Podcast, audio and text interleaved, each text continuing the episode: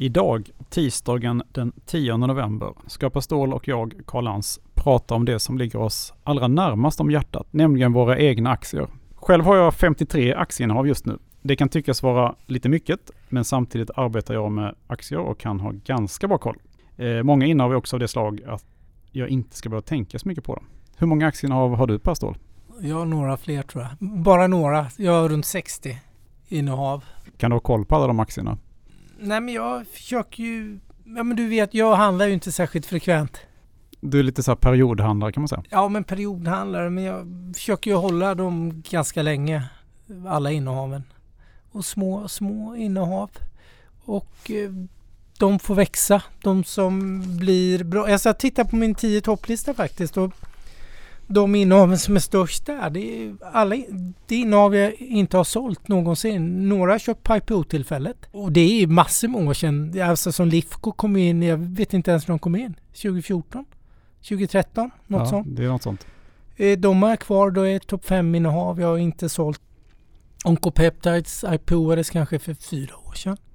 Ferrari köpte jag 2016 på dippen. De kom in 2015. Sen gick de ner. Köpte har aldrig sålt och de... Ferrari är nog det bästa innehav. Den är sex gånger pengarna. Men då blir de stora. Så jag är lite sådär, jag försöker köpa och behålla dem. Och det har blivit mycket innehav. Så det är lite, det är lite slarvigt också. Men det är lätt att köpa på nya spännande bolag. Men gör jag har det svårt också, att sälja. Gör det också att du ökar i de här innehaven? Eller hur, hur tänker du där? Nej, men det gör jag inte. Du låter dem löpa helt enkelt? Ja, de här har ju liksom, Microsoft har jag också köpt för ganska länge sedan. De har ju bara fått ligga till sig Mm. i mångt och mycket. Jag har ju köpt mycket nytt oftast. Mm. Med att få pengar, Och- sparande och, Och vilket är ditt största innehav just nu då? Ja, det är Microsoft. Det är Microsoft. Följt av Ferrari, Amazon, Oncopeptides, Lifco, Yandex. Eh, Ryska Google. ja, de plockade upp här i början på april och de säkert gått 70-80 procent tror jag sedan botten. Blivit stora. Apple, Alibaba har jag haft länge. Eh, Prosus är ett stort innehav. Det gillar jag. Och det, nu har ju det gått väldigt bra. Eh, men den gillar jag för jag skrev om det innan IPO för drygt ett år sedan och eh, tyckte att det var jättespännande.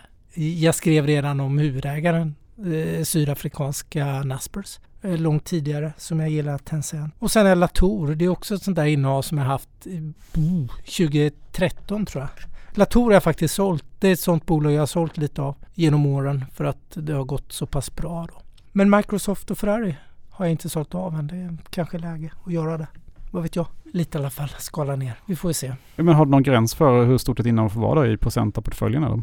Ja, det, det, har jag väl som jag har så pass mycket in. De här väger drygt 5 procent, de största innehaven. Så... Men du tar ändå inga jätterisker där med 5 procent? Nej, jag tycker inte jag gör det. Jag har ju lärt mig mycket. Kanske 10-15 år sedan hade jag mycket mer koncentrerad portfölj. Hur, hur, kunde en portfölj se ut i, hos Pastol för 10 år sedan? Då? Ja, då var du i början 40-årsåldern? För 50 till 15 år sedan då kunde den se ut, då kunde det vara liksom 10 innehav. Nibe hade, ägde jag ju då. Alltså de vägde i princip 10 var. Novo Nordisk hade jag under många år, Koloplast. Det kan bli väldigt volatilt. Ja, det var volatilt. Jag hade någon dag när jag hade två vinstvarningar i portföljen, kommer jag ihåg. Båda bolagen var ner säkerligen runt 15-20 procent under flera dagar. Så jag har lärt mig men då hade jag ju bra koll. 10 innehav, 10 procent. Du hade järnkoll men ändå fick du en sån Ändå fick jag jättemycket smäll. Jag kommer ihåg att Novo Nordisk vinstvarnade. De släppte en dålig rapport samma dag som Danske Bank vinstvarnade. Ja men du vet, det blev Mm. ren och skär massaker. Mm. Upplevde jag då. Och då även att kanske Nibe gick upp en procent. Men det, det orkade inte hålla emot. Så det blev... Jag har lärt mig med åren tror jag. Mer och mer diversifiering. Jag Det- gillar det här. Det Jag, beror väl lite på hur mycket man orkar ha koll också. Hur mycket man orkar göra liksom. Ja, men det är det. Jag, jag, försöker, jag har ju lite tematiskt i hela min, mitt tänk och det gör att jag vill gärna ha flera spelare inom samma, samma tema. Ibland man vet inte vem som blir vinnare. Eh, nu kanske inte Microsoft och, eller, och Apple och det här är något tematiskt eller man vet, de är ju redan vinnare liksom. Och Amazon. Men, men det finns många andra inom betal, digitala betaltjänster och sånt där. Jag har andra typer av mjukvarubolag, SaaS-bolag och dylikt. Man, man vet inte riktigt vilka som blir de stora vinnarna. Där försöker jag väl diversifiera mig och ha flera, fler, flera innehav. Ja, för det borde, det borde vara så att de, de stora, alltså vinnarna tar verkligen hem allt i de här sektorerna förr eller Ja, senare. men lite så. Ja, men det är väl titta på de här stora vinnarna som finns nu. Microsoft och Ja, Amazon och och där har du Apple. Paypal till exempel. Mm. Som är störst eh, Ja. i den sektorn. Och Mm. de fortsätter ju att Ja, växa. de fortsätter att växa. Jag har Visa Mastercard som liksom betalkortsbolagen. Mm. Nu täcker man ju i princip allt. Jag skulle kunna köpa Amex också så Mm. har jag hela den sektorn. Den har inte gått så jättebra i år. Då. Den, fick, eh, den gick bra igår. Men det är för att den är väldigt resetung ju. Den är resetung, det görs Ja, mycket transaktioner. Mastercard och Visa. Men, eh, Mm. Ja, Men samtidigt är det ju, kommer det ju ett vaccin här förr eller Mm. senare. Så då kommer det ju komma tillbaka igen. Sannolikt. Men själv då? Hur ser dina, hur tänker du? Jag, nu vet, du vet ju lite hur jag tänker. Du vet att jag inte gör så transaktions... Du är inte så transaktionstung. Nej, jag, är väl, jag är väl då ganska transaktionstung kan man säga. Mm. Eller, eller har tvingats bli det. Eh, Mm. jag hade ju, har ju haft ett eh, ganska tufft år i år. Eh, dels för att jag, jag var ganska tung i fastigheter. Mm. Jag har gillat fastighetsbolagen i många år. Och gillat att, att handla dem. Och eh, det har ju varit ett väldigt eh, tufft år att vara, vara fastighetsinvesterare. Så att jag har lite grann lagt om min strategi i år kan man säga. Och eh, har sysslat mycket, mycket, mycket mer med diversifiering. Och jag försöker hitta då eh, nya trender också. På ett bättre sätt än vad jag gjorde tidigare. Eh, vilket har gjort att jag liksom har helt och börjat omvärdera det jag, min portfölj kan man säga. Hur ser den ut för ett år sedan? Hur mycket bolag hade du då? Om du har 50 50-tal idag så... Alltså säg att jag hade kanske ja, ungefär lika många aktier men Mm. jag hade ju, var ju mycket, mycket tyngre då i fastigheter och eh, ja, industri. Jag, jag gillade ju hitta, gillade bottenfiska bolag eh, mycket. ja men det vet jag. Det är, så, så jag köpte billiga tyska industriaktier till exempel, eller franska, Mm. eh, som då också har drabbats väldigt hårt av eh, corona. Jag har egentligen nästan en helt och hållet ny portfölj kan man säga vad, vad är de största, tio största innehaven i din portfölj? Ja men nu har jag till exempel mitt största innehav i då ett, eh, ett litet, ett ganska litet tyskt techbolag som heter PVA Tepla. Som är då världsledande på eh, vakuumugnar. Eh, produktionsanläggningar för material som behöver värmebehandlas eh, i vakuum. De delar då in verksamheten i industri och halvledare. Och det är framförallt industridelen som sysslar med de här vakuumugnarna. Medan halvledardelen då sysslar med till exempel produktion av eh, kiselkristaller till ja, både eh, so- solcellsindustrin och eh, elektroindustrin. Och här ser man ju då tydligt en, en framtid så att säga. Alltså det, är ju, det är ju något som, de har lite grann drabbats av corona, pandemin som så många andra. Men eh, de har ändå lyckats hålla upp omsättningen på samma nivå som 2019. Och så fort pandemin är över så, så tror jag att det här kan bli ett, båda ska komma att växa väldigt kraftigt under många år framöver. Så det är faktiskt, har faktiskt blivit mitt största nu efter en, en uppgång här sista tiden. Hur stort? Ja, det är, väldigt, det är faktiskt väldigt litet. Det är runt eh, tre- 300 miljoner euro. Och Ja. sånt där. Hur mycket väger det i din portfölj? I min portfölj kan det vara runt 7 procent. Ja. Men det är Mm. lite mer aggressivt än vad jag har då. Det är mer aggressivt och det är Ja. framförallt aggressivt med tanke på hur Hur- värderingen är. ja. Ja. Med hur stort marknadsvärdet är. Eh, Jag kör ju Microsoft, det är inte så. Ja, det är något helt det, annat. det är inte så aggressivt. Så man kan säga att jag är ganska aggressiv vad det gäller då eh, allokeringen här eh, på Ja. de bolagen. Eh, eller på det bolaget. Sen min näst största heter Medios. Det är då ett, eh, en läkemedelsgrossist och specialfarmabolag, tyskt. Mm. Och Ungefär 70 procent av omsättningen kommer från då grossistverksamheten och Mm. också väldigt fin eh, eh, tillväxt. Särskilt då eh, de sysslar framförallt med cancer och autoimmuna sjukdomar och väldigt bra management. Så att här ser jag lite mer som ett kanske lite mer säkert bett då. De har också lite grann drabbats av corona. Så att jag har plockat upp den då på lite lägre nivå. Eh, Mitt tredje största innehav, Gött uh, und Ziegler.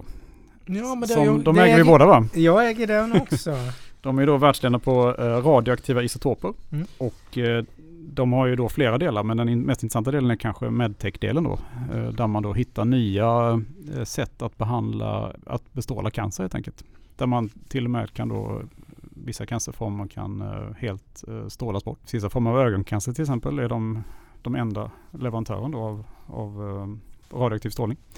Eh, Och de har mycket lovande projekt när det gäller eh, framförallt prostatacancer som man idag ofta inte opererar. Men med deras teknik så kan man då bota upp till 90% av patienterna utan biverkningar. Och framförallt, anledningen till att Mm. man inte opererar är oftast för att det ger för stora biverkningar. Då. Så att det är mitt tredje största. Sen har jag ytterligare ett tyskt bolag som heter LPKF, eh, Laser und Electronics, som är då världsledande på eh, lasermaskiner. Bland annat att tillverka kretskort till halvledarindustrin och, och framförallt då har de utvecklat en ny eh, typ av teknik som eh, man tror kommer att eh, kunna användas till solpaneler framöver och göra dem mycket, mycket billigare att tillverka och mycket effektivare också. Det är lite av ett förhoppningsbolag kan man säga. Inte förhoppningsbolag inte. Eh, det har funnits jättelänge och, och så. Men, men eh, just att det kanske ska ta fart ordentligt här mm. kommande åren. Sen eh, det femte största då i Palantir faktiskt. Det gjorde det. ju IPO här mm. nyligen. Mm. Inom AI och maskininlärning och allt. Ja precis, ja. det är väl framförallt eh, ett mjukvarubolag som mm. eh, är ledande på att sortera osammanhängande data kan man säga. Mm. Och framförallt har de ju varit stora hos säkerhetstjänsterna. Så att eh, till exempel då så hittade man ju Osama bin Laden med deras, eh, deras data.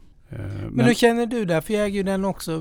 Den har ju gått galet bra sista ja, veckan. Ja, den är väl upp 50 procent. Ja, vad, vad gör du? Säljer du eller Tar du hem vinst? Jag är ju dålig på det här. Du, ja, du, vi har alltså, pratat mycket om det. Jag är det ingen fallet, vinsthemtagare, jag är ingen bottenfiskare. Jag låter dem vara kvar liksom. Alltså i det här fallet får man väl säga att uh, vi, vi omfattas ju av speciella regler också. Mm. Så vi får inte lov att, uh, att trada aktier på det sättet. Utan har vi en vinst på aktier så måste vi vänta i 30 dagar. I det här fallet tror jag nästan att uh, jag inte ens får lov att, skulle få lov att sälja den.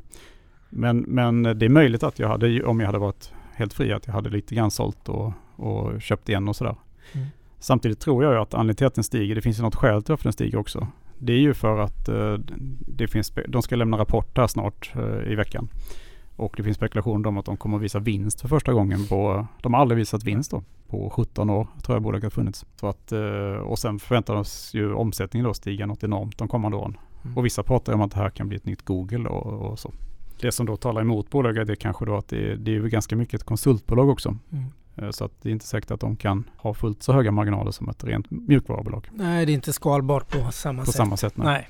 Hela affärsmodellen. Men, men, nej, men i det här fallet säljer jag inte. Eh, jag kommer nog tänkt att jag ska löpa linan ut här. det är väl risk för att det kommer att vara väldigt volatilt de närmsta dagarna här. Eh, när, när, rapporten kommer mm. Kan man ju tänka sig att det, kanske inte det här rallyt fortsätter i den. Men då är det bra att inte så stora tunga innehav. Att de väger 10-12 procent i portföljen. Nej. Om de det är lite tanken, för jag äger ju det också. Jag har ju några andra inom maskininlärningstemat och AI och eh, hålla på med stora mängder datahantering av information. Jag har ju Cloudera exempelvis, det är ett annat. Jag Just det, Carl Arkans bett. Mm. Ja, precis. Så det, jag gillar ju det här att sprida riskerna mellan flera, flera innehav. Det är därför jag har fått så mycket innehav tror jag. För att jag Palantir jätteintressant, Cloudera jätteintressant. Ja, men då köper jag lite av båda mm. Istället. Har ju varit, det är lite min tes mm. och det, då blir det 60 innehav. Men det är väl lite mer safe också? Ja, men uppsidan, man tar bort lite uppsida. Mm. Rida Palantir, den hade ju gärna fått väga 12 procent för två veckor sedan. Mm. Då hade den vägt 25 nu i mm. portföljen. Sannolikt. Ja, men, men den har ju ja, det är både för och nackdelar men då bör man inte vara så orolig tycker jag. Det är lite mm. min tanke, kunna sova gott på natten och jag vet att det kommer rapport nästa vecka. Aktien kan vara ner. Mm. Den kan vara ner både 5, 10, 15 och 20 procent. Mm. Om den inte faller man mm. vet ju, investerarna är ju alltid lite nervösa när, det har gått, när en aktie går 50% på en vecka eller två veckor. Då blir det alltid... Jo, det kommer alltid bli vinsthemtagningar. Det blir alltid vinsthemtagningar. Men, men jag tänker på det som Peter Thiel till exempel. Han som mm. då har grundat Palantir och mm. han som grundade Paypal också. Paypal, precis. Och, och mm. Palantirs mjukvara bygger ju på Paypals mjukvara, kan man säga. Det är samma bakgrund. Han sa ju i, eh, han är ju då Hans föräldrar är tyska och han är född i Tyskland men han kommer till USA väldigt tidigt. Men han sa att om, om uh, han pratade då på något tyskt event. Och då sa han vad är skillnaden mellan Tyskland och USA när det gäller Eh, startups. Då sa han att eh, ja, men om Facebook hade startat i Tyskland och någon hade erbjudit Zuckerberg då en miljard dollar för det, då hade de nästan säkert sålt bolaget. Eh, Medan i USA så tackar man nej till det och säger att vi ska bli störst i världen. Liksom. Det menar han är den stora skillnaden mellan USA och Tyskland. Då. Men jag, jag, jag håller med dig. Jag, jag, tror säkert att det är så, men jag tror att det är andra anledningar också. Att det är mycket bättre infrastruktur i USA. Ja, så I, alltså jag tänker infrastruktur, mycket mer private equity-bolag, mycket mer många som är duktiga inom P-industrin är med och inom VC-industrin är med och skjuter till kapital väldigt tidigt. Eh, som jag tror man har som bollplank också vid de här. Absolut.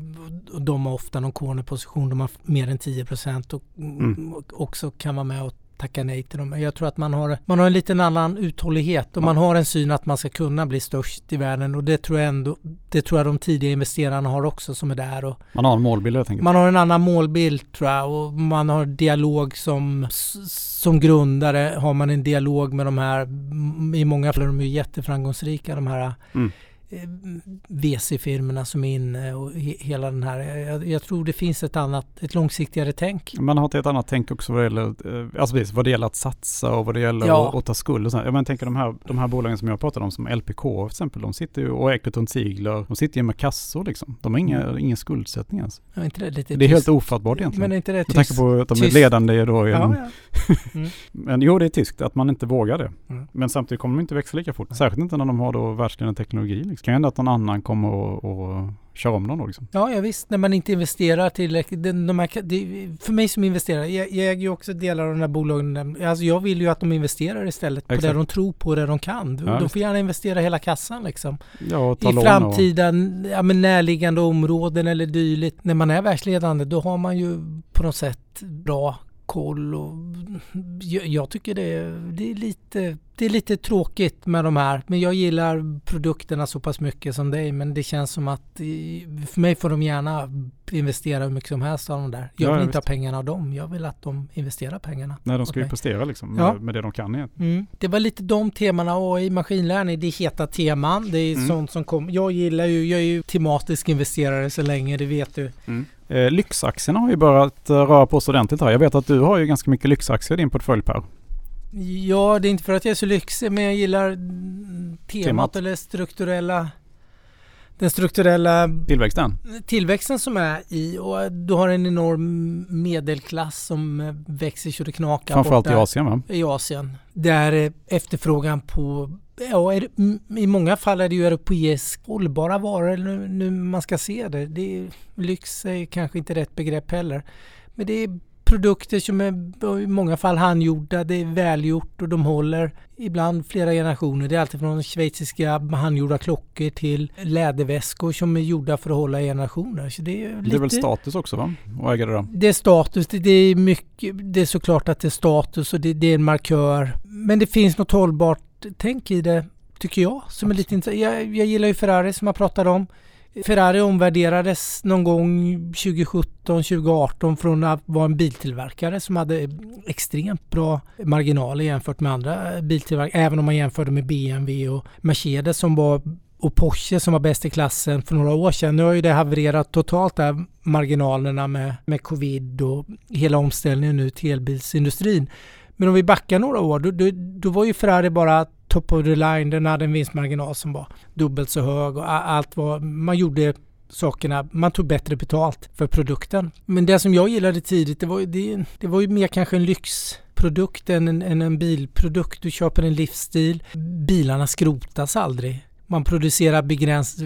Nu det, det har väl aldrig skrotats en Ferrari i princip? Nej men du skrotar inte om det inte blir en bil... Totalskada? Ja, totalskada. Men i princip så sparar man dem och eftermarknaden blir ju enorm. För det kommer ju ut... Nu ligger takten runt 9-10 000 nya bilar per år och allt ska servas och du vill serva det på rätt ställe och sådär. Så det, det är hållbara produkter. Det är visst en statusmarkör men det är, det är stora starka varumärken. Ferrari har gått väldigt bra. Det är all time high också nu. De hade en bra rapport rapport som var bättre än förväntat. Nu senaste rapporten. De har gått bra, LVMH har gått bra.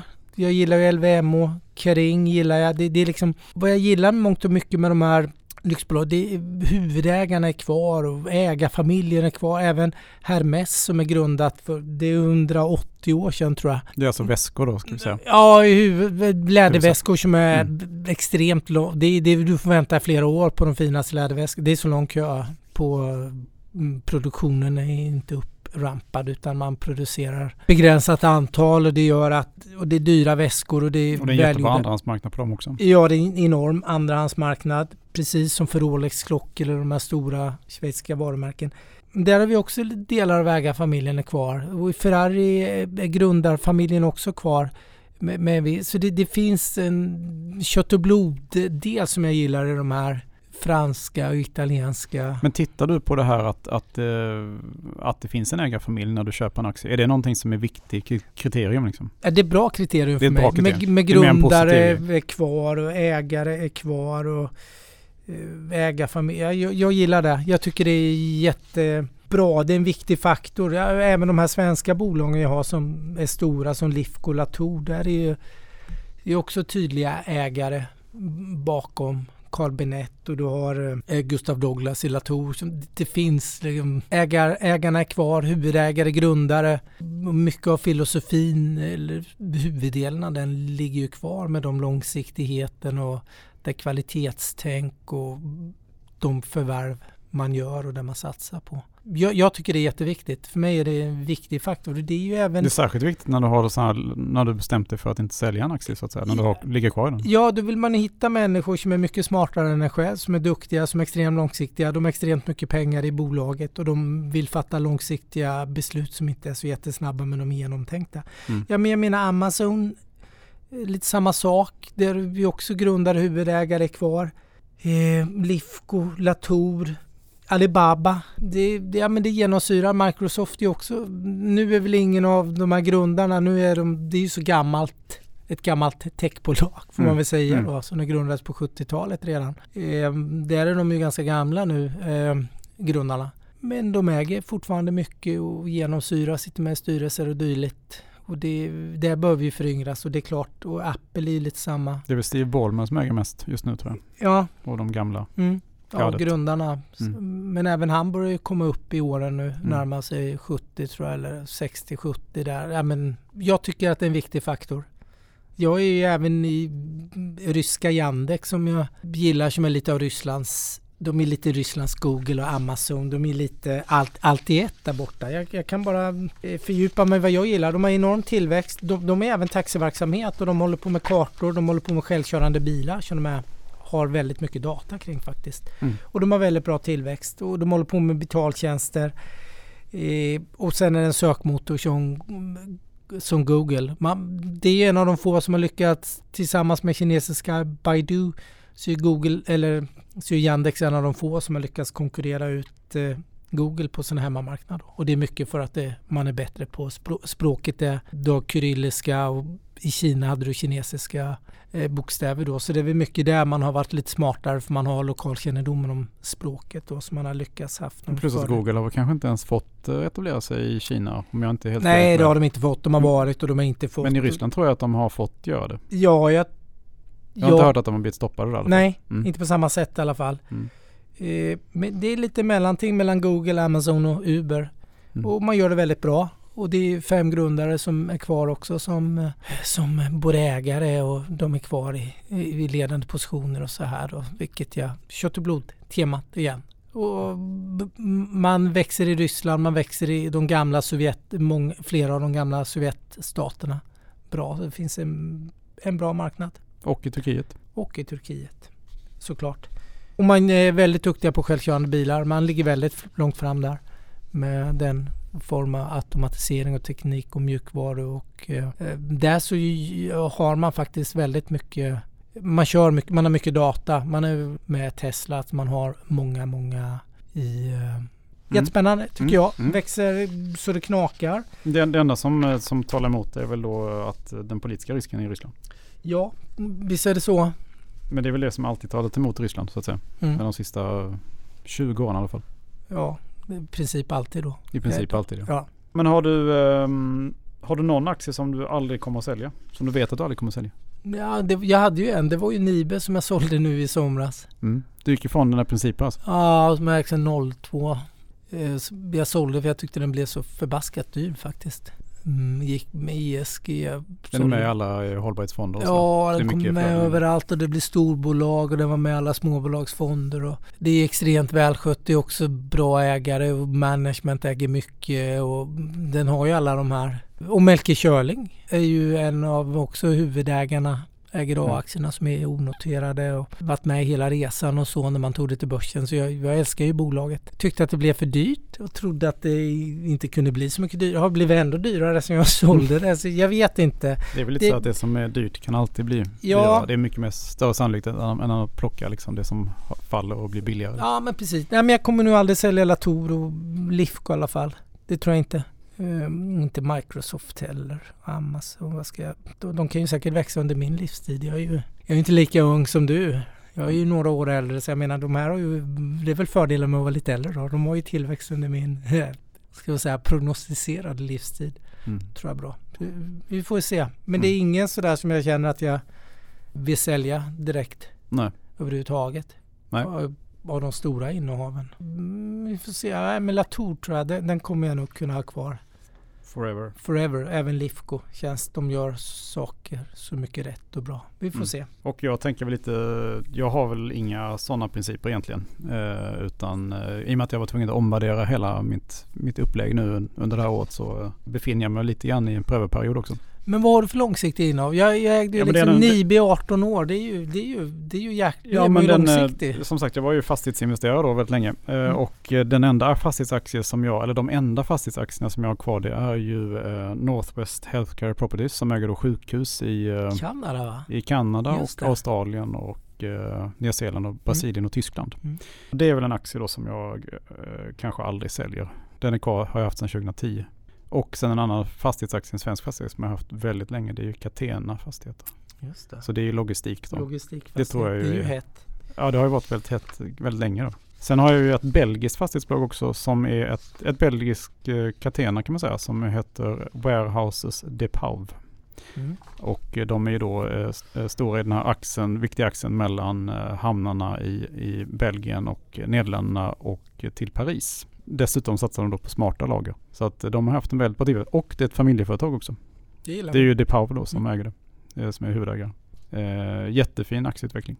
Och eh, jättebra bolag. Den har jag i min tjänstepension faktiskt. Ja men det här är intressant. Jag, jag har ju faktiskt två fastighetsaktier också. Och Ja, berätta. eh, båda har starka huvudägare och eh, grundarna är kvar, eller grundarfamiljen. Det är Baller, Erik Selin. Mm. Och sen äger jag Wallenstam också. Och det är det. familjen eh, Wallenstam. Det är väl inne på kanske andra generationen då.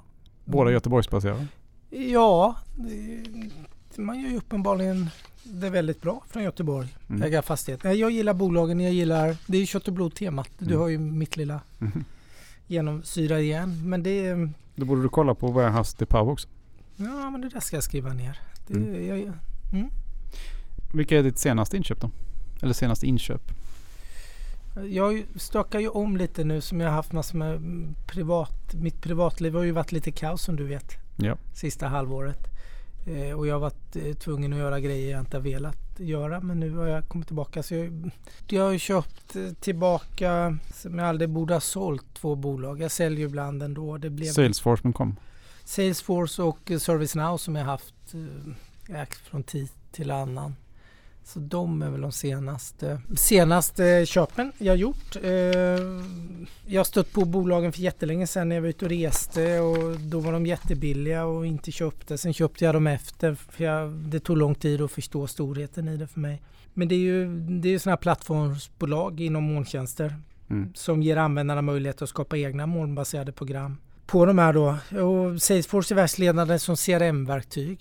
Eller när man kund, försäljnings, inom försäljningsorganisationer. Vilket är, är oerhört starkt. För det är ju också sådana, det, det är ju ganska konjunkturokänsligt också. För att eh, även i en lågkonjunktur så kanske man måste till och med satsa ännu mer på CRM. Ja men det tror jag. Och det, Så, så det, det talar ju för bolaget. Ja det talar mycket för bolag. De gör mycket inom AI också. Eh, mycket med maskininlärning för att kunderna ska få ut mycket mer kring, eh, alltså företagets kunder. För de i sin tur ska få ut, kunna se mönster hos sina kunder och så då. Mm. Och kunna sälja bättre och paketera eh, både produkter och tjänster på ett bättre sätt. Vi, vi tog ju med den här aktien i, i bland placeras mest köpade aktier också ganska ny, nyligen. Eh, Och eh, det var just av det skälet att Mm. eh, den, är, den är konjunkturkänslig och eh, omsättningen hos ju växa med ungefär 70 procent de närmsta tre åren. Och det är stora bolag också. Och det är jättestora Eh. Så det är inte sådär. Och Det är de, de, är, de är liksom mitt emellan i någon form av pyramid, Om vi har Amazon och Microsoft. Jag gillar ju dem mycket för deras stora molntjänstinfrastruktur tjänster som växer så det knakar. Och man har mycket andra, i båda, båda fallen har man mycket andra mm, produkter och tjänster som genererar väldigt bra kassaflöden och sen har man satsat på det här nya. Det skulle tyskarna lära lite av Exakt. hur man gör när man har en stor kassa och när verksamheten går väldigt bra. Att man bör inte lägga allt i kassan utan man, man kan satsa på nya närliggande områden som man har kompetens inom. Ja. Som både Amazon och Microsoft har lyckats väldigt bra med som man har snabbväxande. Men, de är ju själva grunden inom hela molntjänstpyramiden då. Sen har vi de här Salesforce och ServiceNow mittemellan och högst upp har de här SaaS-bolagen eller de som ger eh, riktig mjukvaru, eh, mjukvara som Adobe och vad är det mer? Där äger ju faktiskt några. som vi också har med på listan. Mm, Adobe äger, äger ju båda också. Ja, precis. Adobe och Autodesk är ju så här, Autodesk är lite Hexagon konkurrent mm. faktiskt. Mm. Man skulle kunna lägga Hexagon där uppe också då. Men mm. det är också ett litet en strukturell trend som jag gillar. Och vi äger dem båda två, eller i alla fall inte Autodesk äger inte. Autodesk har inte det. Du har mm. Nemetschek istället. Nej, det har jag faktiskt inte heller. Ja, jag har ju, Tycker den är lite för dyr. Jag har ju Nemetschek mm. där också. Tyska ja, ja. också. Ja, jag, ibland tar det emot. Bara en liten utsvävning Autodesk och Nemetschek. Det är ju betydligt mer inom, eh, ja som jag sa, lite Hexagon. Det är ju mycket mer mot industrin och eh, man gör mjukvara eh, till... Eh, det är mycket till byggbolag och byggarkitekter och den typen av verksamhet i Autodesk och och eh, även, inom, även inom tillverkningsindustrin och det är Nemetschek också. Eh, och även spelutvecklare har det blivit. I Autodesk-fallet så var man väldigt duktiga på 3D väldigt tidigt. Inom arkitekt arkitekterna hade man snurra runt och även industridesigners då kunde snurra runt på ritningen och titta från alla håll och kanter. Då. Så kom man på att det kunde man använda inom spelindustrin. Programmera om lite men att man hade väldigt eh, stor kännedom om just det 3D eh, programmering och sånt. Då väger vi mer gemensamt? Ja, vi gillar ju de här och Prossus. Prossus äger vi såklart. Ja men om vi pratar lite Holland. För vi har några holländska innehav som är i alla fall noterat på uh, Amsterdambörsen. Mm. Och där har vi lite gemensam nämnare. Mm. Jag har eh, precis, jag, har Prossus och eh, har du ASML också eller? Ja men den har jag också. Mm. Den vet jag att du kan mycket bättre än vad jag kan. Jag var tidigt inne i Prossus och sent in i ASML. Alltså eh, ASML är ju... Um, det är inom halvledarindustrin. Precis, det är mm. ju alltså maskiner till, till halvledarindustrin då. Och eh, det de framförallt uh, sysslar med är ju ultraviolett ljus.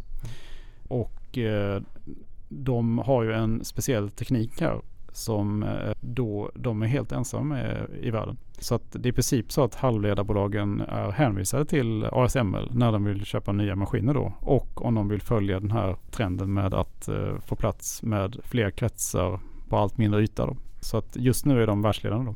Och eh, enda, enda stället man kan gå till i princip. Och jag gillar det för det är en stark trend. Jag pratade faktiskt med en förvalterska i fredags som jag hade, gjorde en intervju med som kommer ut i veckan här som var jätteintressant. De bettade också mycket på, de bettade på halvledare och minnen överlag. De köpte Samsung och eh, taiwanesiska Taiwan Semiconductors. Det, nu pratar vi om sådana som producerar mm, kretskort och halvledare och minneskort och så. Som ändå är ganska billiga va? Ja, de är billiga bolagen är ganska billiga. Det, det, är stark tillväxt. Deras är ju det Internet of Things att varenda pryl. Jag har köpt nya prylar nu. Vitvaror har jag köpt. Mm. Och alla nu när jag ska starta dem då vill de bli uppkopplade på nätverket. Och jag har varit jättesmart och in nätverkskabeln i taket så den inte ska synas. Och det gör att jag har väldigt högt upp har jag min, uh, router. min router. Och jag mm. når den aldrig så jag har liksom gått förbi de här. Jag har inte kopplat upp det. På, men allt vill kopplas upp nu. Och sen pratade jag med Siemens för jag har köpt lite Siemens-prylar och då sa jag att jag har inte kunnat koppla upp för det ja, ja men det ska du göra för då är det mycket lättare med felsökning och allting i framtiden och vi kan kommunicera med. Det, det är inte för att du kommer att sätta på ugnen när du är borta sannolikt men det har mycket mer. Mm. Eh, det är lättare att felsöka och man hittar fel och det går att kommunicera och det går att göra mjukvaruuppdateringar och sånt där då på ett helt annat sätt. Och så jag ska börja koppla upp mina prylar. Men det slår mig. Det För allt det här behöver du halvledare? Du behöver halvledare och minneskort och hela de här uh, DRAM och allt liksom mm. logiska minnen och allt. Uh. Alltså alla halvledarbolag jag följer har ju topp, i princip toppat förväntningarna nu sista mm. halvåret här liksom. Mm. Så att det är ju... Eh, det, jag har inte hittat något halvledarbolag som, som går riktigt dåligt alltså. Om det inte är så att de drabbas av handelskonflikter med Kina och USA. För där finns det en del, till exempel Ambarella och sådana här bolag. Mm. Men eh, ja, eh, som då sysslar med, med, med video, det är så här, surveillance-utrustning och sånt där. Och de var stora leverantörer till Kina då. Men, men annars så inte naturligt så att säga. All, alla halvledarbolag går jättebra. Alltså. Men man kan inte runda ASML hur som helst. Den kan man inte runda. Den kan man inte runda. Det är lite som spaden till guldgrävarna. Ja, visst. Man kan köpa guldgruvorna. Och, det är lite intressant här är då eh, LPKF, eh, det här eh, tyska bolaget som jag har satsat ganska på. Det, det är ju det man lite grann som jag hoppas på det är ju att det där kan bli ett nytt ASML kanske mm. med den här nya lasertekniken då. För att de kan ju leverera maskiner som är kanske kan göra, få en, plats med ännu fler kretsar. Mm. på en mindre yta. Mm. Men vi får se. Det, det får framtiden utvisa. Du, jag, jag, jag faktiskt nu bara slog det. Jag har gjort ett, eh, ett eh, inköp, ett nytt bolag. Mm. Berätta. Ja, som är lite, det är faktiskt på samma tema. De gör mjukvara eh, och det, de gör grafiska eh, gränssnitt. Eh, det kan vara till pekskärmar och kaffemaskiner och sånt där när du trycker på en sån kaffemaskin. Då. Och det är mycket inom industrin. Mhm. Det finns bolag. Det Okej. finns mjukvarubolag eh, Mm. som heter QT Group. Okej. De eh, handlade jag för någon vecka sedan. Mm. Eh, det är lite enklare programmering men eh, den senaste kvartalet så hade de en enormt bra tillväxt. Eh, 36% organisk och rörelsemarginalen växte till 27% Och de är finnar. De är duktiga. De, eh, det vet vi. Det är konservativ guidning. Lite som danskarna. Mm. Det är sådär Mm. man guidar inte. Ja, som tyskar. Liksom. Ja, som tyska. Det är lite sådär. Ja. Och de har sagt att de ska ha en långsiktig rörelsemarginal på 20 Det låter och nu ligger den på 27 och Mm. eh, alldeles för lågt eh, guidat. Eh, spännande bolag tycker jag. jag. Jag tittar på några. Jag stöter ju på lite i, när jag pratar med fondförvaltare. Jag har hittat ganska många finska mjukvarubolag nu faktiskt. Inte Admicom. Ja. Finns med i väldigt många fonder va? Ja, den är med i väldigt många och gått väldigt bra. QT Group har gått typ hur mycket som helst då. Så du kommer tycka jag är galen som har köpt den. För jag tror den har gått upp man- 400 procent på Det är något ofta år. som man ska göra. Ja, Mm. vi får se. Det är ett litet bolag. Men det är lite spännande. Och det är inne på mjukvarutemat och lite industri. Eh, mjukvara som vi pratade om innan, Nemetcheck och eh, Autodesk. Autodesk. Precis. Ett litet, eh, litet spännande. Vi får Mm. ju se. Mm. Vet du vad jag har köpt då senast? Nej. Jag eh, fick upp ögonen här för eh, Siemens Energy. Den avknoppningen från eh, stora Siemens. Ja men det var intressant för jag pratade med dig om det. För jag pratade med någon förvaltare som hade fått det i avknoppningen och sålt ut det. Fast han tyckte det var jätteintressant. Men Precis. det passade inte just nu i portföljen. Nej, precis. Det är ju då jätteintressant när det gäller hållbara, Mm. hållbar energi. För att de satsar ju helt och hållet på, på då den här energiomställningen. Eh, till exempel så, de släppte rapport idag Mm. som då var inte, den var inte jättebra. Men de sa där att vi kommer inte leverera turbiner till eh, kolkraftverk längre. Stoppa dem från och med nu.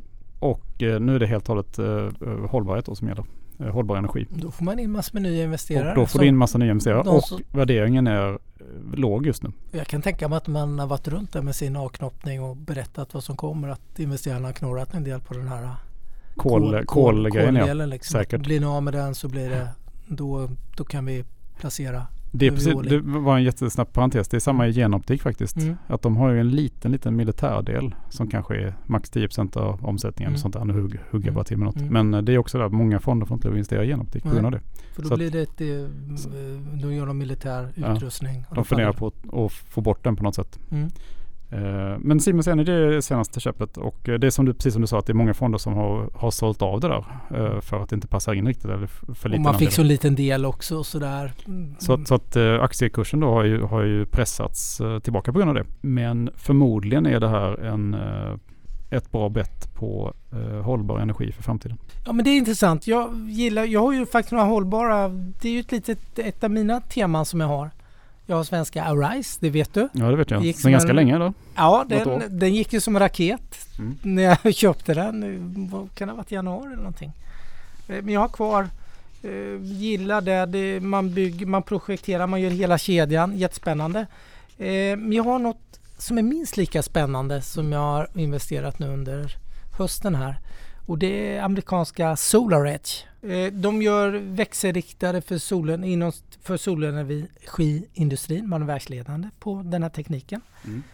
Det är världens bästa växelriktare och eh, man gör att existerande solenergi blir mycket, man använder den mycket mer effektivt tillvaratagen. Så det blir liksom en dubbel vinst för alla och eh, det är också lite där att sälja spadar Mm. till guldgrävare. Eh, gillar det.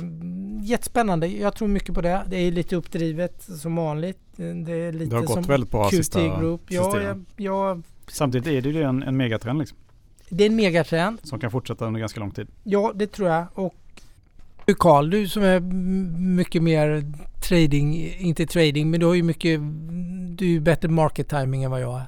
Eh, jag tänker du... du Tveksamt, men Jo, men kanske. du bottenfiskar mycket mer. Du gör jag aldrig. Men det har jag slutat göra. Ja, Okej, men, men du säljer ju i alla fall. Jag Ja, är det ju dålig. Mm. Jag borde kanske bara ha 40 innehav eller 35. Nu har jag 60 för att jag har svårt att sälja Mm. uppenbarligen. Och det jag säljer är bara det som har gått väldigt bra liksom.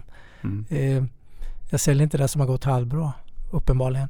Det är därför det blir så här mycket. Men vad har du gjort för försäljningar nu då? För du, Ja, alltså jag, jag, det har ju varit en volatil marknad Ja, nu sista, marknad. sista 7, 8, 9 veckorna. men jag har varit ganska snabb här faktiskt. eh, Sista, direkt när den här vaccinnyheten kom så fick jag faktiskt en tanke att eh, det kunde slå mot eh, shopping. Och jag har inte så mycket sån här internetshopping. Det enda jag har är i princip shop apoteket då. Ja Eller men hallå, det har ju du pratat om som ett långsiktigt bett till mig. Jo, Per, det här borde är- du äga, det så- passar, du kan äga det i 10 år. Jo men den är så volatil. Så att, och jag tänker att den har ju stigit då flera hundra procent eh, på Mm. corona liksom. Mm. Eh, klart att den har jättebra tillväxt och sådär. Men det kan ju ändå vara så att eh, när den hade fallit 7% så eh, var det faktiskt att sälja av den här. Eh, och den har ju fortsatt ner då efter det. Så att det var ju, det var ju en vältajmad försäljning. Eh, och sen har jag sålt ett eh, annat bolag som heter Sumo Logic som gjorde IPO för eh, någon månad sedan. På, men den, eh, den gjorde sam, det var samtidigt som Snowflake ungefär tror jag. Just det. Men den har inte alls, och det är, det är ungefär som ett, eh, det är också ett big data-bolag Mm. som eh, IPOs på 24 dollar men nu när den gick ner under 20 så valde jag faktiskt att, att, att sälja. Och när jag säljer nu för tiden så eh, brukar, om, jag, om det då är, jag gick in med lite för mycket pengar i Simuloric, då gör jag så att jag säljer hälften först. Mm. Och sen om det inte vänder så sä- säljer jag nästa hälft också. Citrix har jag sålt också nyligen. Ja just de där. De har inte heller eh, Nej. gått bra. Det är ju säkerhet och eh, VPN, man loggar VPN i. Ja, VPN. Mm. Eh, Så att den, eh, det är väl de sista tre stora försäljningarna kan man säga. Ja men det är inte så dåligt. Ja, men jag tycker att man, man ska ju sälja liksom förlorarna och behålla vinnarna helt enkelt. Mm. Och lite grann har jag väl då minskat toleransen när det gäller förluster också. Tidigare kanske jag struntade i det och lät det ligga kvar och sådär. Men Mm. det tycker jag inte är någon bra eh, strategi faktiskt. Nej. Utan det, det man kan testa då är ju att sälja hälften kanske. Eh, Mm. om man, eh, och fortsätter det dåligt så säljer man allt helt enkelt. Så blir det lite enklare att, att skiljas. För ibland är det så att man har ju gift sig med aktien. Mm. Och då kan det vara svårt att sälja allt på en gång. Liksom. Mm. Då avslutar man förhållandet lite halvt sådär först. Så det är ett tips. Det är ett tips. Har du någon, någon sån här sektor eller någonting som du skulle vilja lära dig mer om då? Ja, faktiskt. Och det är något jag tittat på nu under någon månad. Eh, och det aktualiserades igår med den här Pfizer. Eh, Och Biontech? precis. Den, nya vaccinet? det nya vaccinet här. Som var så oerhört eh, framgångsrikt. Ja, man gör det precis eh, helt eh, kemiskt eller sådär. Det är så här gen, Genterapi eller? genterapi. Det, där vill jag lära mig mycket, mycket mer. Vad var det Pfizers vd sa att det var den största upptäckten för mänskligheten på 100 år inom medicin? Mm. Det låter ju som om, det, det låter ju som om när eh, penicillinet kom va? Ja, faktiskt. Jag, Det får tank, jag associerar direkt till det. Till Penicillin, penicillinet. ja. Till Fleming. Eh, där vill jag lära mig mycket, mycket mer. Jag känner, jag kan ingenting om det. Nej. Men jag tror jag har en känsla för att det kan vara väldigt stort. Som, om jag lyssnar Det på låter så, så låter ju så. förstår jag att det, det kan vara väldigt stort. Eh, det vill jag lära mig mer. Mm. Det är väl något som jag tror att det kan bli mitt nästa sån här framtidstematiskt Spaning. strukturell lite. Som jag... eh, mm, jag ska läsa in mig, läsa på Mm. som det heter. Mm. Vad känner du då? Ja men jag är väl Känner lite inne på samma. Jag är lite så här, eller biotech tänker jag. Lite Mm. bredare kanske. Mm, Eh, som jag inte alls har eh, varit inne på tidigare och investerat i. I princip. Så att det, är, det är biotech och lite läkemedel. Alltså den Mm. sektorn. mm, Så att eh, jag har ju Ja jag har ju köpt lite sådana här medicintechbolag och sånt här. Men jag är inte inne något i, i något biotechbolag då. Eh, Så att det, det, det tänker jag att jag ska lägga lite mer energi på. Ja, men det där kan nog vara bra och en lönsam. Vi har ju pratat en del om det vet jag på redaktionen. Vi har ju Lars Frick, våran kära kollega på Börsveckan som är väldigt duktig Mm. eh, på allt inom hälsovård, tycker jag. Jag är ju ett litet där biotech eller läkemedelsbett eller bolag som är på väg ifrån forskningsbolag in till Eller Onko. Ja, det, det är av dem där man har en FDA-ansökan inlämnad. Jag har ju två bolag till som har det. Det är ju Biovika och Immunovia. Eh, som också håller på att gå från forskningsbolag till någon form av, man ska bli ett, eh, ja, ett, eh, ett produktionsbolag eller jag hittar inte ordet riktigt nu. Ska se vad jag tror jag har. Ett läkemedelsbolag kanske? Ja, men man blir ett läkemedelsbolag eh, i kommersiell fas. Alltså Mm. man går från forskning till att man kommersiell, kommersialiserar Mm. den forskning man har gjort då genom att kunna sälja. Mm. Eh, onko är ju inom blodcancer och så. Man gör läkemedel Mm. eh, mot det och eh, både Biovika och Immunicum är ju mer om eh, det är ju tester och blodprov upptäcker cancer väldigt tidigt då, bara för att dra de riktigt stora penseldragen. Men jag, båda kommer förhoppningsvis att få så här FDA-godkännande, eller alla tre bolagen under början på 2021 då, och gå in i en ny fas, en kommersialiseringsfas. Det låter fantastiskt. Ja, vi får ju se då. Nu, Onko kanske är dags att sälja av lite då, för det är ju mitt fjärde största innehav då med Bevika och eh, Immunovia är betydligt mindre då. Så vi får ju se. Men det är lite där, då har jag ett litet sånt där läkemedels, biotech, eh, kommersialiseringsfas tänk Mm. Kring. Mm. Ja, vad kul. Det är precis det jag sa. Men de är volatila. Immunovia har gått ifrån 150 till 250 och sen backar de tillbaka till eh, 150 Mm. eh, på, på ett kvartal liksom. På lite olika nyheter. Det blir fördröjt och vad heter det, Corona fördröjer även sådär kanske lansering och beslut från FDA och dylikt då. Så det är lite de är ju Mm. känsliga när de går så mycket, ganska högt värderade och det är mycket förhoppningar inbyggda i. Mm. Och vissa av investerarna väljer att ta hem vinsterna istället och man Mm. rider inte ut. Men jag, jag är långsiktig i alla tre här nu. Mm. Jag vill sitta här om ett år och känna att det har varit rätt tänkt. Sitta här och mysa och vara nöjd om ett år. Det får. Det hoppas jag verkligen Mm. att få göra. Ja, men eh, det var, har ju varit väldigt volatilt sista dagarna och det har eh, Mm. stigit mycket och många sektorer har gått ner också. Jag tänker bara eh, för egen del så hade jag legat kvar i min portfölj jag hade i början på året så hade den förmodligen stigit något enormt mycket sista två dagarna när vaccinnyheten kom. Mm. Eh, nu kanske den inte steg fullt lika mycket då eftersom jag har techbolag också. Men en aktie som steg väldigt mycket och är ju eh, AXA som jag har ett ganska stort innehav i. Eh. Europas största försäkringsbolag. Mm. Ja. Är det Europas största nu? Det Ja. är, eh, om jag inte är helt Nej. felinformerad. Nej. Det vill säga, det, Ja, är väl. Allians eller den Mm. eh, som är störst. Mm. Men AXA har varit störst i alla fall eh, traditionellt sett. Men den fick sig, till, ihop med franska börsen också, fick sig ett rejält ryck. Det är många franska aktier som har gått kanske både 10, 20 och kanske 30 procent på en eller två dagar här. De har varit rejält nedpressade ju. Ja, det är mycket, Det kons- ja, det är mycket konsumtion. LVMO gick väl 9% igår. Ja. Kering gick 8. Det är de här liksom som... De också. Fast de har ändå inte gått ner så mycket. Ja, de har inte gått ner så mycket Det- och det det- var all time high nu. De har klarat sig hyggligt. De, de är ju ingen så här cyklisk... eh, Du pratar om andra... Om du kollar på Vinci till Mm. exempel, eh, ett av världens största bygg eh, då. De har ju gått 30% här på några dagar bara. Och, men de är ju oerhört pressade också.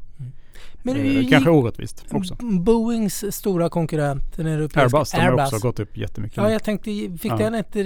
Flög den igår? Den flög ju enormt igår. Den gjorde det? Ja. Tillsammans med de här eh, lufthamnar som man M2 säger. Aero Engines och äh, Fraport har ju också Mm. gått fantastiskt bra. Alla och, de här... och Hamburgs hamn har gått Ham- upp och så vidare. Det är ju i princip äh, allting som har någon form av äh, cykliskt komponent i sig. Men även sånt bolag som Deutsche Telekom som äger också till exempel gick ju väldigt bra. Eh, de har också varit väldigt pressade, märkligt nog faktiskt. Eh, för det kan man tänka sig ett de har väldigt starka kassaflöden och sådär. Sen kräver de, sen får de ta lite mer lån då, det gillar inte tyskar. Eh, nu när 5G kommer. Och det är kanske det då som lite grann har pressat dem. Specialkemi i form av Evonik Industries börjar också gå bra. Ja, vad är det? Den där vet jag att du äger och har pratat dig varm och jag, du har inte lyckats övertyga mig uppenbarligen. Så jag har Nej. inte köpt den. Det, det är väl ett sånt bolag som det behöver väl liksom upptäckas lite grann av, eh, eller återupptäckas då av fonder och sådär. För de skulle väl behöva lite flöden för att Mm. aktien är ju ganska trist liksom. Men det är ju, det är ju specialkemibolag, eh, alltså att specialkemi är ju högre marginaler då. Och det behövs ju i princip i allting som du, allt från dina kläder till din eh, digitala eh, klocka där Mm. till allt möjligt så att säga. Eh, och de försöker då göra, ställa om sig till att bli ett hållbart bolag också. Så att de ska bara göra hållbara specialkemikalier. Då. Mm. Till exempel är de stora inom växtbaserad mat till fiskindustrin i Norge. Mm. Har man hittat nya lösningar på det. Så att man inte ska behöva då fiska upp eh, haven för att i sin tur göra fiskpellets till de här eh, laxarna som är Mm. instängda. Och, Mm. eh, så att eh, de, de är innovativa och försöker hitta nya lösningar och bättre lösningar. Men sen är det ju en gammal tysk kemitradition då som det här bolaget eh, är bakom det här bolaget. Så, att så det är klart att det är en, en omställningssträcka. Men jag tror ungefär 80% av bolaget är specialkemi i alla fall. När som helst kan det ju smälla till och gå och, och omvärderas skulle jag säga. Eh, och då tappar Då de är du där. då Då är du med. första 50 Då är du med. Då och är jag är inte med. Ja, Och då då kommer du jag sitta där och tänka vad sjutton köpte jag inte något Ja. litet litet här. Och, Ja. ja. Du får, du får säga dina aktier och så säger du dem jättekort varför du äger dem bara. Alltså så här, ett ord eller en mening bara. Okej. Varje aktie som vi inte har nämnt hittills. Ska- De jag har nämnt, de ska jag inte nämna. Nej, du behöver inte nämna en. Arcturus. Nu, En, en mening eller ett ord. Biofarmacibolag. Fokuserar på upp. De jobbar med RNA-läkemedel. RNA-läkemedel tänker man, vad sjutton är det? Det var något man fick Nobelpris för 2006. Ett tag sedan. Eh, ja, men det är för att kunna behandla virusinfektioner och sånt. Det är smarta läkemedel eller? Mm. Gick ner massor igår. Usch. Eh, ja, Biomarin. Mm. Jättesnabbt. Eh, särläkemedelsbolag. De är jättestora. De har en FDA-ansökan inne också. Det är lite samma tema som det andra. De håller på mycket med inom blod, hemofili. Mm. Carl Zeiss Meditech har vi Cloudera. Den har vi Kom- båda. Compogen, israeliskt. Eh, gen, här är genterapi. Jag har nosat lite inom gen, eh, genetikbaserade läkemedel och eh, inom cancer och även för att diagnostisera cancer. Det är mycket diagnosbolag jag, jag gillar. Eh, CRISPR. Just det, det, det är schweiziskt. Eh, det är noterat på Nasdaq-börsen i USA. Det är bioteknikbolag. De utvecklar läkemedel eh, i, inom genetiska blodsjukdomar och eh, ganska litet bolag men väldigt spännande bolag. Edvard Life Science. Eh, Den har vi båda också. Ja, Mm. och Elekta kan vi, det är också så medicinteknik fast inom olika områden. Det här är hjärtventiler och underhållsrelaterade produkter inom eh, hjärta är det mycket. Mycket hjärta. Precis. Eh, Elekta kan väl de flesta, jag behöver inte säga något. Inad Global 7, spelutvecklare. Som mina barn säger, de gör B-spel. Var det inte det som hette Toddman tidigare? Något sånt där? Jo, Toadmaster eller något sånt. Mm. Eh, De ska, har en väldigt karism... Jag har lyssnat på VDn. Han gör bra intryck, vill bygga något eh, solo hal, eh, halvledarbolag. Enphase Energy. Mhm. Eh, har, jag, har jag också inne på den här gröna med SolarEdge. Lite samma. Mm. Essilor Luxottica det är också ett lite lyx. De gör Ray-Ban bland annat och de är stora eh, även inom optiska linser. Mm. En sammanslagning som inte har fallit så väl ut än. Jag är lite uthållig där. Jag tror att det kan bli ganska bra. Men det är franskt och italienskt. Italienska delen är entreprenördriven. Medan den eh, franska delen har varit lite mer tjänstemannastyrt bolag. Vi får väl se. Jag kanske måste omvärdera den där. Balder har vi sagt. Ferrari. Eh, Hermes har vi sagt. Eh, Immunovi har vi sagt. Intuitive Surgical. Mm. Det är Eh, intressant. Mm. Mm, Är det något du har? Det Nej, är också jag- medicinteknik då. Nej. De håller på med robotassisterande operationer och sånt. Eh, Kan bli vinnare på 5G, att det går att operera. Man kan ha en specialist som sitter i en annan världsdel och är med under operationen då när det är avancerade eh, operationer. De, de har ju i princip skapat hela den här marknaden själva då med något som heter Da Vinci-systemet. Eh, det är ett kirurgisystem som lanserades 1990 först och 2000 blev det FDA-godkänt i USA. Eh, noterades på börsen då. Det är ett starkt växande område. Jättespännande. Eh, spin-off på det är svenska SUS, Surgical Science, som gör mjukvara bland annat åt Intuitive Surgical och lite andra produkter. Det är mitt lilla robotdigitaliseringsbett där. Mm. Kring Latour.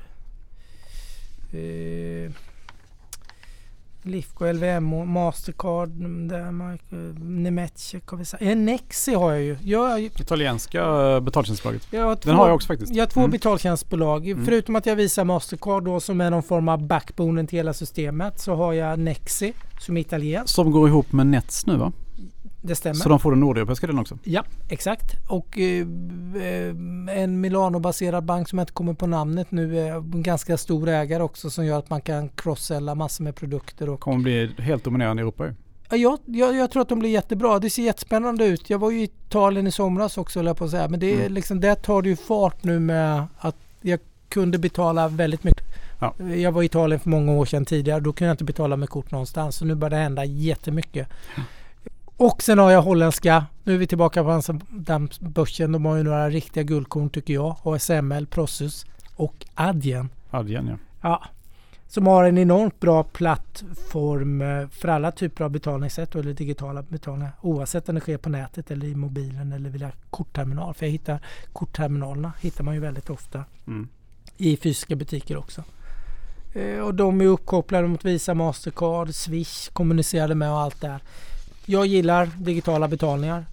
Det gillar vi alla. Eh, ja, det gillar vi alla. Eh, Palantir, Oncopeptides, Nvidia. Ja men den är ju är, världens ledande halvledartillverkare. ja, och det verkar lite ASML. Man kan inte runda dem heller verkar Nej, det som. det är De- som ett ASML precis. Det är som ett eh, ASML. Paypal. Ja. Också nu hoppar vi tillbaka Betal, till... betaltjänst. Ja, Värld, världsledande. Det är väl Världsle- de som kommer att köpa Nexi och de där till slut. Kanske. Ja, det kan nog bli. Square har ju också inom eh, också mobila betalningslösningar. Alltså det, är, det är ju ett. Mm. Mycket betalningar. Ja, Mm. det är mycket betalningar.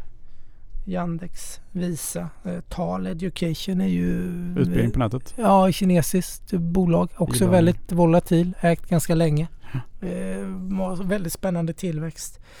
Eh, men går den är volatil för att vara så pass stort bolag är det väldigt volatilt. Mm. Sen har jag lite, lite Swedbank också. Jaha.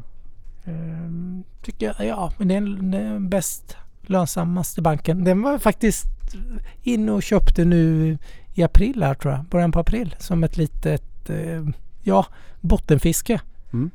Eh, jag sa att jag skulle sälja den med 150. Den har gått över 150. Men nu ska jag hålla den till 170 hade jag tänkt. Mhm. Den är inte så lång men det är, ja, mm, bara en bank. Ja, visst. Sen har jag något som jag säkert kommer att få mail på. Det är Swedish Match faktiskt. Men jag, Mm. min äldsta son snusar. Jag får Tobaks- honom inte att snus, sluta snusa, tyvärr.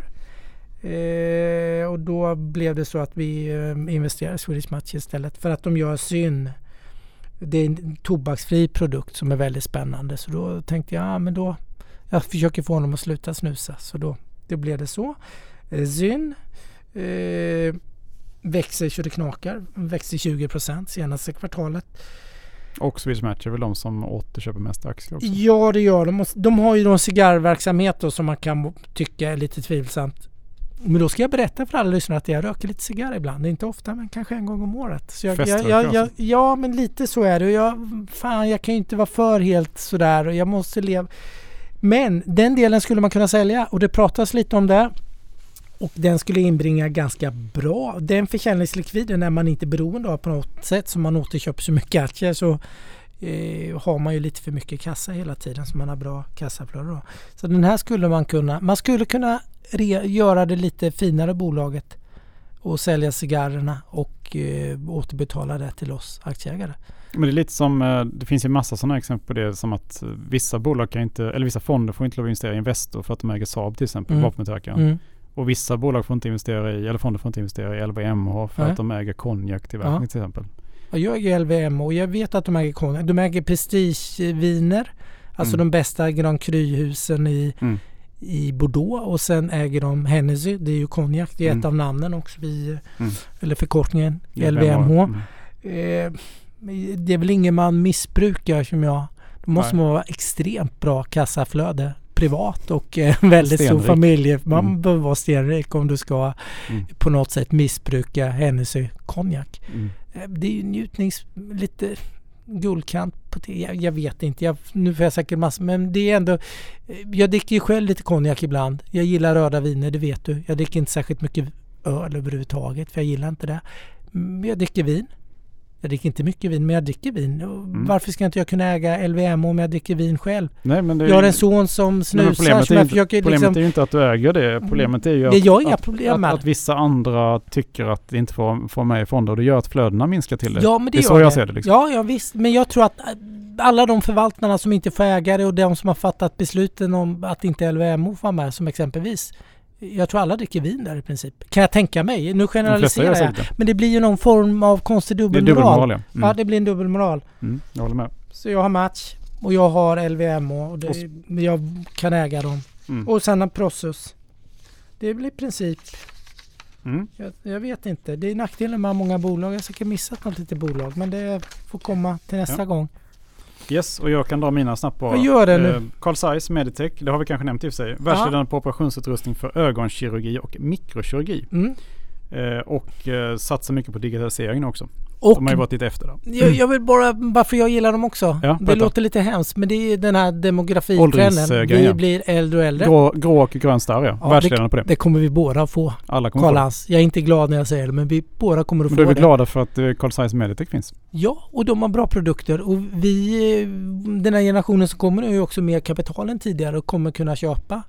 Den här typen av eh, medicinsk tjänst som Ja. kanske inte kommer att omfattas av det allmännyttiga. Jag vet inte men Nej. det Och det fina med de här också att eh, liksom eh, de flesta andra bolag så blir de en vinnare när pandemin är över. För Ja. att det är många som inte har vågat gå till klinikerna och operera sig. Men det vågar de snart igen när de får, Och- är vaccinerade. Sjukhusen har inte köpt deras produkter så mycket Ja, heller. Man har inte fokuserat. Man har köpt in eh, för att kunna behandla covid-patienter. Plus att världens eh, sjukvårdssystem behöver rustas upp säkert. Så Mm. det kommer mycket statliga pengar också. Mm. Nästa jag äger är Capgemini. Det är franskt eh, baserat konsultbolag som växer jättefint och har gått jättebra genom hela pandemin också faktiskt. Mm. Har klarat sig. Det är en favorit hos många förvaltare hittar jag. Jätte, verkar jättebra alltså. Ja, jag är Ja. ingen konsult. Jag tycker ju inte, gillar ju inte affärsmodellen sådär. Den är inte så skalbar. Så det är väl lite där som det håller det mig tillbaka. Men, då är det Palantir också kanske. Ja, skitsamma. Ja, ja. Eh, Catena, det har vi pratat om. Ja. Eh, jag har ju eh, Compania de Saneamento Basico de Do Estado de Sao Paulo, Sabesp. Det är ju alltså Sao Paulos vattenbolag. Det är världens största noterade vatten och avloppsvattenbolag. Den går att köpa. Är det New York-börsen eller Nasdaq? New York-börsen. New York. Nu så. Och eh, den har ju varit väldigt pressad men det är också en sån som gynnas när, när pandemin går över här och då kommer även den brasilianska realen att gå upp. Och det har den redan gjort. Mm. Liksom svenska kronan också har gjort. Följer emerging markets-valutor. Du, jag har ju glömt ett bolag jag äger. Vadå för något? Eh, Mercado Libre. Ja, Sydamerika. Ja, men det är ju brasilianskt. Det är Mm. En, Men den går också eh, dåligt nu när vaccinet finns. Ja, den har gått dåligt nu sista dagarna såklart. Men eh, det är på e-handel och eh, de är duktiga på Sydamerika. ja, det är de ju, absolut. Det, det var mitt tema. Och sen eh, brasilianska realen som också är... Den värderas ju upp nu. Ja. Säkert mot, jag har inte kollat men jag gissar det.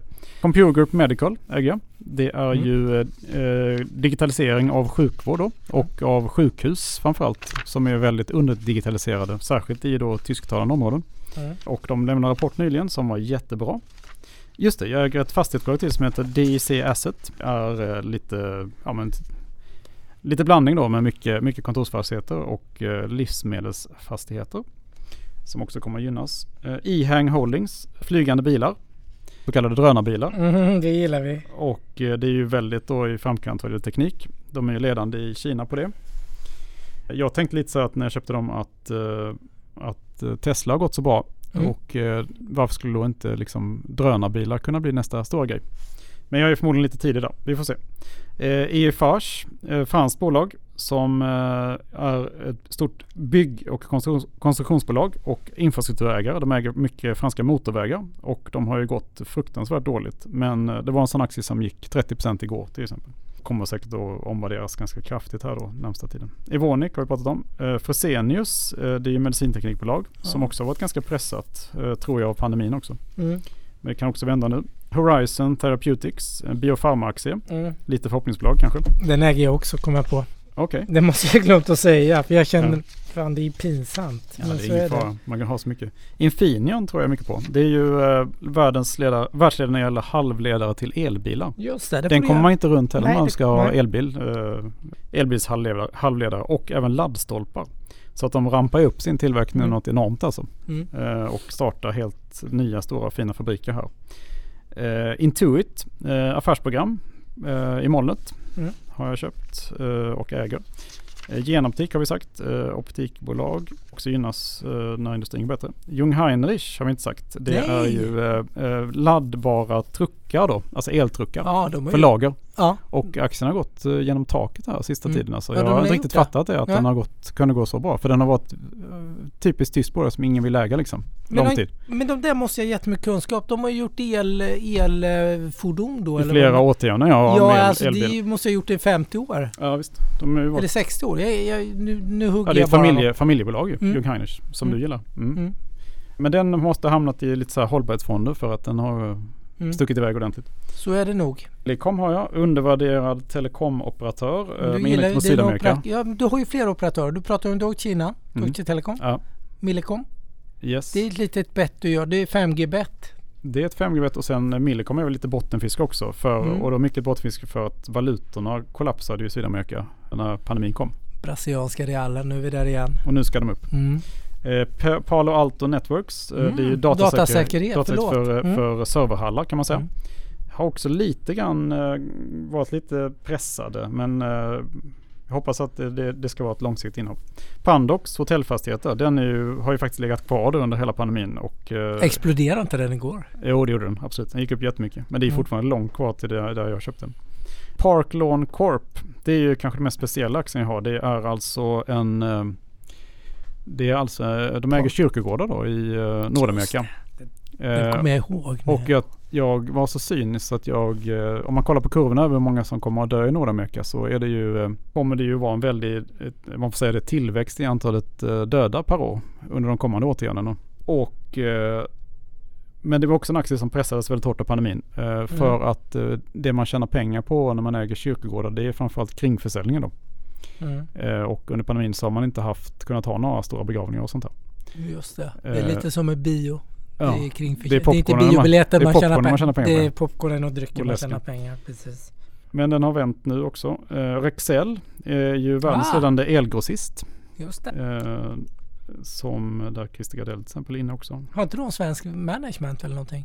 Eller blandar jag Jag ihop vet dem? faktiskt inte. I alla Nej. fall tycker ju många att de har väldigt bra management nu. Ja, jag undrar om det inte har någon svensk koppling. Det finns någon eh, svensk Förutom. Sevian. Mm. Mm. Eh, S&P Global. Den eh, är ju väldigt intressant för att alla behöver ju ett kreditbetyg. Just det. Eh, och den har varit lite pressad men de har gjort besparingsprogram så att det kan bli bra nu. Schneider Electric. Eh, Du, jag vill bara passusa lite där. Ja. Jag tänk, så nu, jag gillar ju flöden, det vet du. Mm. Flödena till kinesiska obligationer, jag har pratat om det i flera år, kommer att explodera. Det håller på att explodera.